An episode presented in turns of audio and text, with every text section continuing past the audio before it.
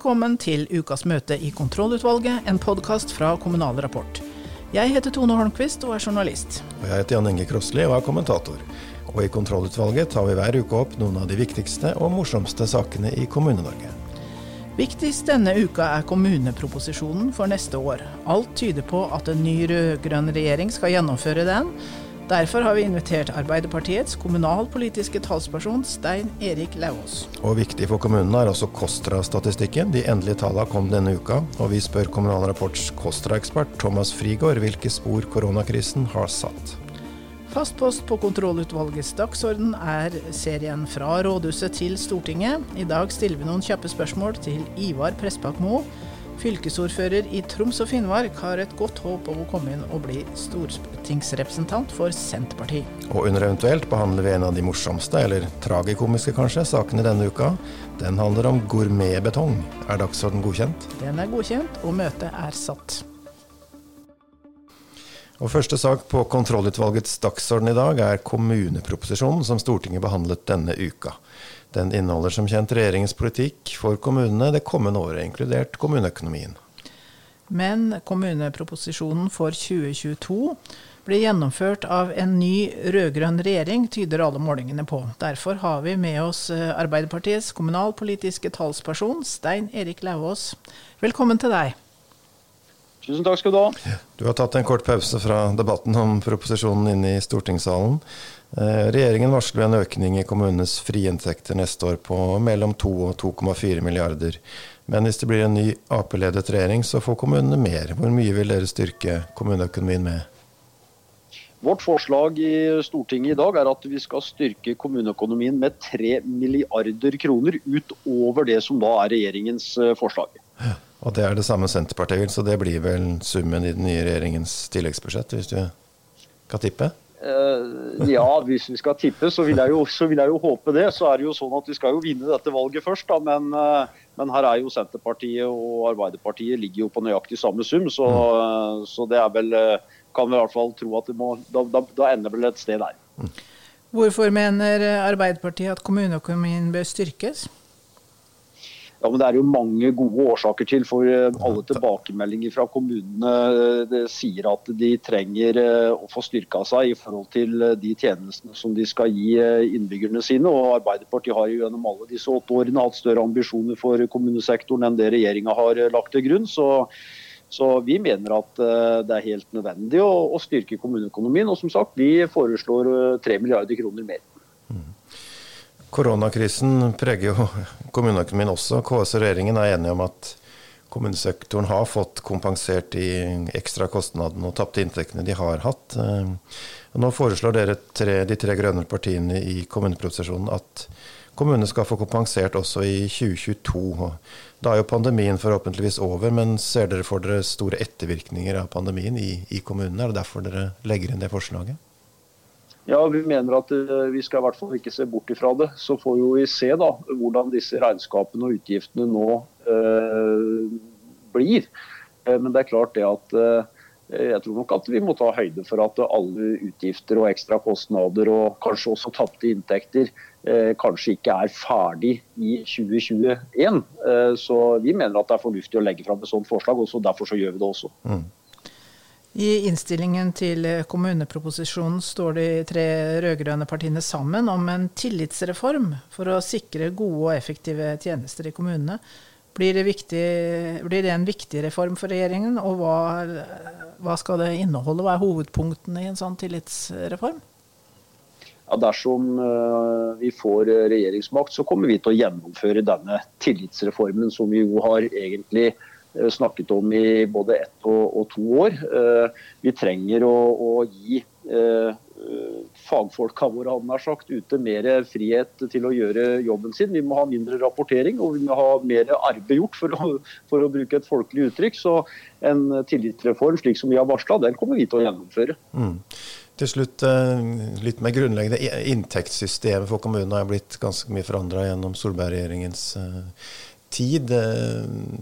De rød-grønne partiene er litt uenige om hva de vil forandre, men hva, hva vil Arbeiderpartiet forandre? Og vil dere gi dette utvalget som ser på inntektssystemet et, et tilleggsmandat, sånn som Senterpartiet foreslår eh, i dag?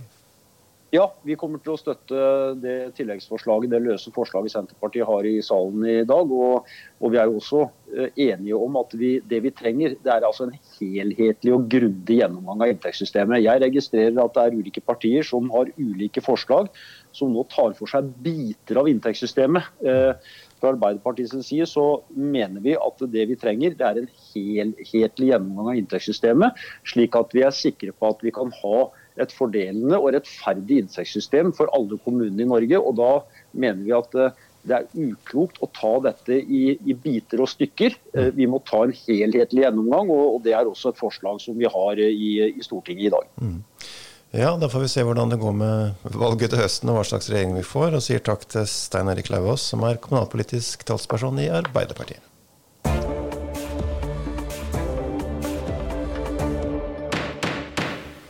Denne uka publiserte Statistisk sentralbyrå de endelige KOSTRA-tallene, som står for kommune-stat-rapporteringen, hvor kommunene altså avgir regnskap om økonomi og alle andre tjenesteområder, egentlig. Og vår kollega Thomas Frigård, journalist her i Kommunal Rapport, du kasta deg da over tallene da SSB la dem ut. Eh, hvordan står det til med kommunenes økonomi, eller sto til i året, koronaåret 2020? Nei, Det ser jo ut som om driftsinntektene har gått opp det siste året. Det har økt fra 1,9 i 2019 til 2,7% i fjor av brutto driftsinntekter. Og dette er faktisk eh, bedre enn det resultatet vi også hadde i, eh, i 2018. Så ikke noe krise, egentlig. Så tyder det på at kommunene har fått kompensert sine koronakostnader, sånn som KS og regjeringen vel er enige om? Ja, KS har jo vært ganske tydelig på det at eh, de mener at disse tallene er oppblåste pga. de forskjellige koronatilskuddene kommunene har fått. Da. Så at uh, det er mulig at den, disse driftsresultatene ikke gjenspeiler liksom, den faktiske situasjonen vi har i Kommune-Norge. Mm. Det er greit å merke seg. Så er det store forskjeller mellom kommunene også. Det er jo, dette er jo et snitt. Jeg så jo at det var veldig mange kommuner som hadde gode driftsresultater. og det er stort sett de som ligger i toppen her, er stort sett kommuner som har fått mye fra Havbruksfondet. Mm. Har du funnet igjen koronakrise i noen andre tjenesteområder som KOSTRA måler? Dette har vi prøvd å se litt på i kommunebarometeret vårt. Ehm, men det er liksom, spesielt da i sektorer som pleie og omsorg, helse og sosialhjelp, så tenker vi at eh, her kan det kanskje ligge noe. Men det er veldig vanskelig å se noen klare indikasjoner på noen koronaeffekt i de sektorene. Men det vi har sett, det er i kultursektoren. Der har det vært ganske tydelig. Eh, der har vi bl.a. tall for besøkstall i bibliotek. Eh, de har sunket da betraktelig, og nesten halvert det siste året. Mm. Det samme gjelder da utlånstall eh, per innbygger, og så har vi kinobesøk. Og der Kinobesøkene har vært en tredjedel av det som var inne i 2019, så dette regner vi med kommer av korona at det er en koronaeffekt. Men det tyder på at utgifter til helse, sosial og, og, skole kanskje ikke fanges godt nok opp? Da, for det har jo utvilsomt vært eh, større kostnader eller større utgifter der? Det kan nok hende at eh, barometeret og de nøkkeltallene vi har der, ikke klarer å fange det opp. Ja. Mm. Du sier barometeret, for eh, altså, KOSTRA er jo en nesten bunnløs kilde til kunnskap om Kommune-Norge. Og Kommunal Rapport bruker disse tallene til å lage kommunebarometre hvert år, som du jobber mye med. og hva er, det, hva er egentlig forskjellen? Hva er det kommunebarometeret gjør som KOSTRA ikke gjør? Uh, ja, for det første så er jo uh, kommunebarometeret uh, ikke bare basert på KOSTRA-tall. Vi har jo en del andre datakilder også. Men jeg vil si at KOSTRA så de gir oss de nakne tallene, mens i, i kommunebarometeret så rangerer vi da. Vi plukker ut 151 nøkkeltall i tolv forskjellige tjenestesektorer. Og så rangerer vi da kommunene ut ifra eh, hva de har levert av tall. Mm. Så det, det, er en eh, rangering ut ifra hvordan de presterer i forhold til hverandre, egentlig. Mm. Hvor mange tall er det i kommunebarometeret til sammen? Ja, det er mye. Vi har jo lagt om til databasert, eh, et databasert kommunebarometer nå. Og har vi da til sammen i databasen, så har vi 2,8 millioner dataverdier. Mm. Og i nøkkeltalltabellene så har vi nå 292 000 verdier. Så det begynner å Det er bra, bra med tall. Når kåres vinneren? Ja, det, Nå kommer jo tallene i dag, så at vi eh, setter allerede satt i gang nye kjøringer av barometeret. Men vi mangler fortsatt en god del eh, nøkkeltall i bl.a. en viktig sektor som pleie og omsorg. Der har vi disse nasjonale kvalitetsindikatorene bl.a. som eh, ikke blir publisert før i slutten av måneden. Eh, derfor har vi ikke valgt å rangere noe foreløpig, men eh, i løpet av høsten så vil vi kåre den endelige vinneren. Det var litt uh, upresist. ja, Skal vi si august, eller? Uh, vi sier i løpet av høsten. da ser vi fram til det, og sier takk til Thomas Frigård, vår Kommunal Rapports egen KOSTRA-ekspert. Og fast post på kontrollutvalgets dagsorden er fra rådhuset til Stortinget, og i dag så stiller vi noen kjappe spørsmål til Ivar Prestbakmo. Fylkesordføreren i Troms og Finnmark har godt håp om å bli stortingsrepresentant for Senterpartiet. Velkommen. Hei, hei, og takk for det. Eh, hvorfor vil du forlate lokal- og regionalpolitikken for å bli nasjonalpolitiker? Det ligger jo på mange måter i, eh, i, kortene at når du eh, driver politikk, prøver å endre samfunnet, står opp for innbyggere og interesser, så er det den nasjonale arenaen, hvis man blir spurt og man får tilliten, så er den selvfølgelig interessant og spennende å jobbe med. Så Det handler om min politiske interesse og at jeg er blitt spurt og fått tillit av partiet til å stå på andreplass i Troms. Forhåpentligvis komme inn på Stortinget til høsten. Vi spør noen om, om har, hvor stor sjanse de har til å komme inn, men det er ganske opplagt at du kommer inn, for Senterpartiet har tatt helt av i Nord-Norge. Hvorfor er det sånn? Ja, det er jo sånn at uh, ingen stemmer er telt før, før i september. Så uh, vi skal nå ta det, ta det, når det kommer. Men grunnen til at vi har gjort det godt i, i Nord-Norge, handler jo om at uh, i Nord-Norge som i resten av landet, så, så, reagerer folk på åtte års eh, sentraliseringspolitikk fra regjeringa. Det er tjenester som forsvinner. Eh, folk opplever at eh, staten og offentlige tjenester forlater samfunnene de bor i. Muligheten for å skape arbeidsplasser svekkes, og verdiene fer av gårde over hodet på folk. Så Det handler rett og slett om, om folks forbannelse over den sentraliseringspolitikken som, som har vært ført. Et protestvalg, nesten, vil du si det? Nja, det er jo sånn at sentralisering foregår, har jo foregått over lang tid. Så det er jo en, en, en, en slags protest, men det er jo like mye eh, grunnleggende endringer hos eh, folk i forhold til hvem de tror faktisk kan endre landet i positiv retning. Og det er, og det er mer enn. Det er det. det. Du, du, det tror jeg. Du er jo fylkesordfører i denne nye fylkeskommunen, og så skal du på Stortinget for å dele det opp. Eh, bør Troms og Finnmark skilles, syns du? Og hvordan, ja, bør, det skje, hvordan bør det skje? Troms og Finnmark fylkeskommune er, er en altfor svær konstruksjon. Det er, altså, det er, over 100 mil fra sør til uh, nordøst, for å si det sånn. Og uh, det er altså, et uh, område på størrelse med Danmark. Og det er klart at Den tvangssammenslåinga har ingen forankring hos befolkninga. Så det å dele opp Troms og Finnmark handler om å ta demokratiet tilbake. Det handler om å få håndterbare størrelser på det vi skal drive med for folk nemlig de oppgavene vi skal løse for innbyggerne. og Da bør og må eh, det tvangssammenslåtte fylket deles. Og Det vil Stortinget gjøre hvis Stortinget består av folk som vil det. ja. Hvorfor bør folk stemme på akkurat eh, deg? Nei, Det er jo sånn at jeg har uh, Sjølskryt er vanskelig, men, men jeg har jeg har vært ordfører i 14 år. Jeg har vært fylkesråd for samferdsel. Jeg er fylkesordfører nå. Jeg kjenner Troms eh, veldig godt gjennom mange år. Eh, og jeg er opptatt av å stå på for innbyggerne og lokalsamfunnene sine interesser. Og jeg mener at eh, det kan jeg gjøre på en god måte hvis folk gir meg tilliten. Hva blir den viktigste saken fra Troms, bortsett fra delingen? Ja, Det er jo veldig mange ting som er viktig. og Det, det handler om en, en, en politikk der, der, folk opplever at Eh, det er liv laga for lokalsamfunnet deres. At det foregår en nasjonal politikk som gjør det mulig å skape gode, trygge, livskraftige lokalsamfunn. Eh, der eh, det frivillige fungerer, der næringslivet gis muligheter, der offentlige tjenester gir innbyggerne den tryggheten man trenger, og at man har muligheten til å leve gode liv og, og ha et arbeid. Mm. Så Det handler om de gode, trygge lokalsamfunnene der tjenestene er, og, og, og, der vi ønsker å være som mennesker i, i verdens mest fantastiske fylke. Troms. Mm -hmm. Hvordan skal du drive valgkamp i dette fantastiske fylket? Koronakrisen setter kanskje fortsatt litt begrensninger? Ja da, den gjør jo det, selvfølgelig. Eh, men altså, valgkamp handler jo om å fortelle hva man vil, hva man skal gjøre, hva man tror på, eh, og snakke med folk. Og, og, det skal vi gjøre. Både fysisk, men selvfølgelig også digitalt. Det har vi gjort. og Det handler om å få fram Senterpartiets politikk og fortsatt minne folk på at ønsker dem en retning for landet som ikke handler om sentralisering og eh, nedbygging av Distrikts-Norge og gode, trygge lokalsamfunn, så er det en Senterparti-stemme som trengs.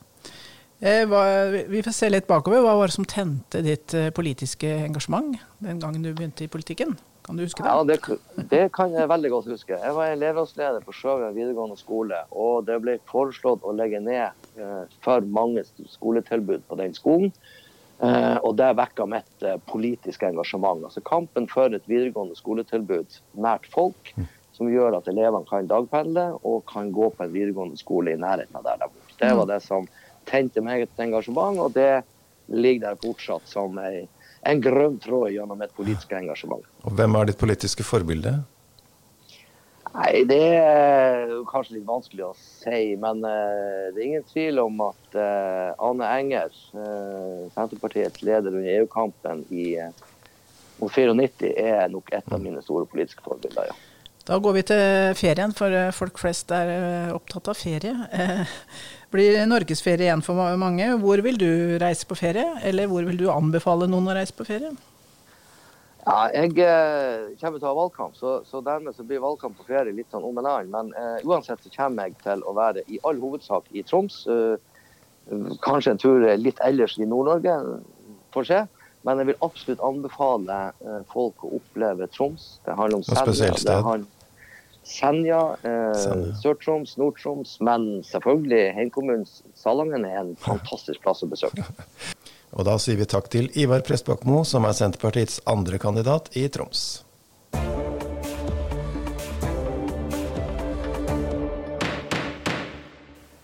Da var det eventuelt, og du vil snakke om byggematerialer, Tone? Ja, jeg vil snakke om gourmetbetong.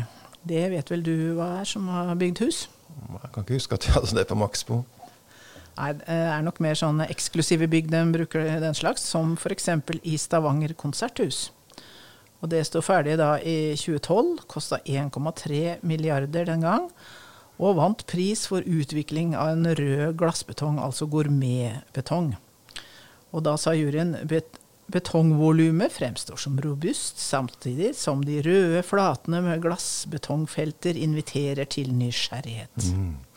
Stavanger er jo kjent for sine gourmetrestauranter, og det her høres jo nesten ut som en sånn Michelin-omtale. Men gourmetbetong, det er innovasjon i offentlig sektor, det altså?